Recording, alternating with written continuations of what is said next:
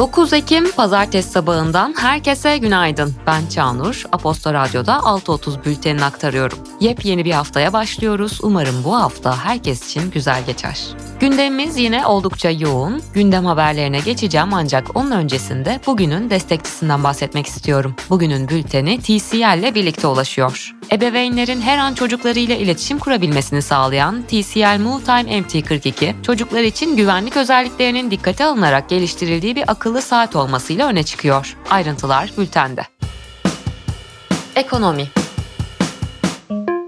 IMF, TCMB'nin politika faizlerini piyasa faiz oranlarına kadar yükseltmesi gerektiğini savundu. Enflasyonu 2023'te %69,1, 2024'te ise %46 olarak tahmin eden IMF, düşük ihtimalle de olsa politikadan vazgeçilme riski bulunduğunu ifade etti. Hazine ve Maliye Bakanı Mehmet Şimşek, kayıt dışı ekonomiyle mücadele çalışmaları kapsamında tüm vergi işlemlerinin elektronik ortamda yapılacağı dijital vergi dairesini devreye alacaklarını belirtti. Resmi gazetede yayımlanan Cumhurbaşkanı kararına göre depremden etkilenen bölgelerde yeniden inşa kapsamında gerçek ve tüzel kişilere konut için 750 bin lira, iş yeri için de 400 bin lira yardım kredisi ve hibe verilmesi kararlaştırıldı.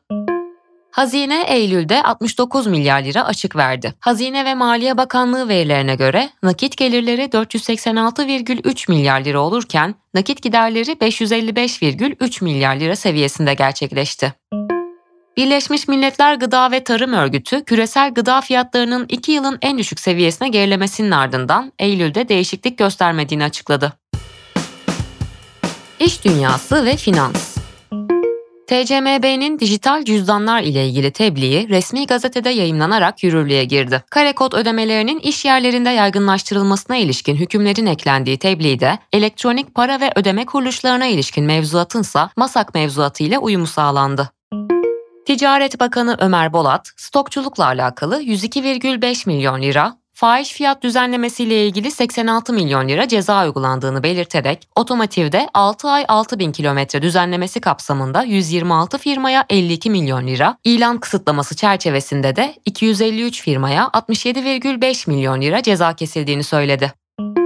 Türkiye Perakendeciler Federasyonu Başkanı Ömer Düzgün, Ticaret Bakanı Ömer Bolat'ın 100. yılda büyük bir indirim kampanyasını bütün marketlerden bekliyoruz çağrısının ardından yerel zincirlerin içinde bulunan ekonomik koşullarda vatandaşların bütçesini destekleyecek çalışmalara devam edeceklerini bildirdi. ABD'de Birleşik Otomotiv İşçileri Sendikası, ülkede 3 büyük otomobil üreticisine karşı başlattıkları grevi özellikle General Motors'ta yapılan görüşmelerde kaydedilen ilerleme nedeniyle genişletmedi. Çin, ABD'nin Rusya'nın askeri ve savunma altyapısına destek sağladığı gerekçesiyle 42 Çinli şirketi ihracat konusunda listesine almasına tepki gösterdi. ABD'nin bir kez daha ulusal güvenlik kavramının sınırlarını genişleterek ihracat kontrol tedbirlerini kötüye kullandığını savundu. Politika Yunanistan ve Almanya'nın ardından Avrupa Komisyonu Başkan Yardımcısı Margaritis Şinas da Türkiye ile AB arasındaki göç anlaşmasının mevcut koşulları da dikkate alarak yenilenmesi ve geliştirilmesi gerektiğini söyledi. Avrupa Birliği Konseyi Başkanı Charles Michel ile görüşen Azerbaycan Cumhurbaşkanı İlham Aliyev, bölgede yeni bir çatışma yaşanması halinde bunun sorumlusunun Fransa olacağını belirterek Fransa'nın Ermenistan'a silah vermesi barışa değil yeni bir çatışmaya hizmet eden bir yaklaşımdır dedi. AK Parti'nin 4. olağanüstü kongresinde Cumhurbaşkanı Erdoğan, geçerli oyların tamamını alarak yeniden genel başkanlığa seçildi. 75 üyeli Merkez Karar Yönetim Kurulu'nun yaklaşık 3'te ikisi değişti.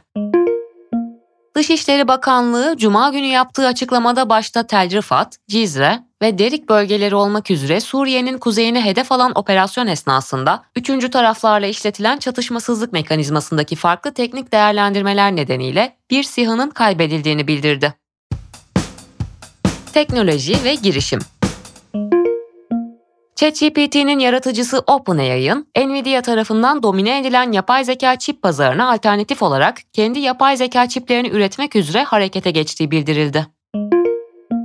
ABD Menkul Kıymetler ve Borsa Komisyonu'nun Twitter'ı satın almaya çalıştığı dönemde açtığı soruşturmada ifade vermeye gelmemesi nedeniyle Elon Musk'ı dava edeceği bildirildi. X'in X Premium'a Basic, Standard ve Plus isimli 3 yeni abonelik katmanı eklemek üzere çalıştığı bildirildi. Instagram'ın hikayeler için yakın arkadaşlara ek olarak yeni listeler oluşturulmasını mümkün kılan yeni bir özellik üzerine çalıştığı bildirildi. Kısa kısa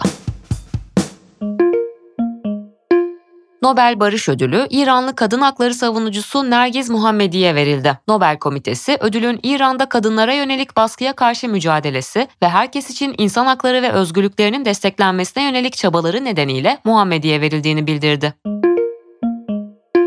Red Bull Racing pilotu Max Verstappen, Katar'da gerçekleştirilen sprint yarışını ikinci sırada tamamlayarak yeterli puanı aldı ve üst üste üçüncü kez Formula 1 dünya şampiyonu oldu.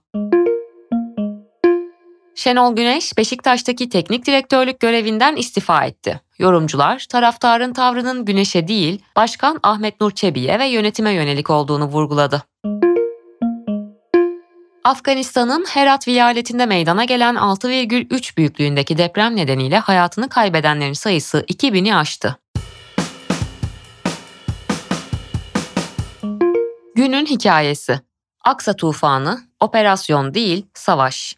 Hamas'ın silahlı kanadı İzzettin El-Kassam Tugayları, cumartesi günü İsrail'e karşı Aksa Tufanı isimli bir operasyon başlattı. Hamas'ın lideri Muhammed Eddaif, operasyona ilişkin ilk açıklamasında artık yeter demeye karar verdik dedi. İsrail ordusu saldırıların ardından savaş durumu alarmı ilan etti. İsrail Başbakanı Benjamin Netanyahu ise saldırıların ardından bu bir operasyon değil, gerilim değil, bir savaş. Düşmanımız hiç bilmediği türden bir bedel ödeyecek. Savaştayız ve kazanacağız açıklamasında bulundu. Netanyahu'nun açıklamasından kısa süre sonra İsrail Savunma Kuvvetleri Hamas'a ait 17 askeri tesis ve 4 operasyonel karargaha hedef aldığını söyledi. Gazze'de de bazı binaların vurulduğu bildirildi. Hamas'ın Gazze'den İsrail'e sızması ve İsrail ordusunun Gazze şeridini bombalaması ardından yaşananlar Batı Şeria'ya sıçradı. Olaylarda yüzlerce kişi yaşamını yitirdi, binlerce kişi yaralandı. Yazının devamı bültende sizleri bekliyor. Sevgili dinleyenler bugün 9 Ekim Pazartesi haftanın ilk günündeyiz. Önümüzde koca bir hafta var. Aposta Radyo'da ben Çağnur 6.30 bültenini aktardım ve bugünün bülteni TCL ile birlikte ulaştı. Planladığınız her şeyin yolunda gittiği bir hafta dilerim. Tekrar buluşmak dileğiyle, hoşçakalın.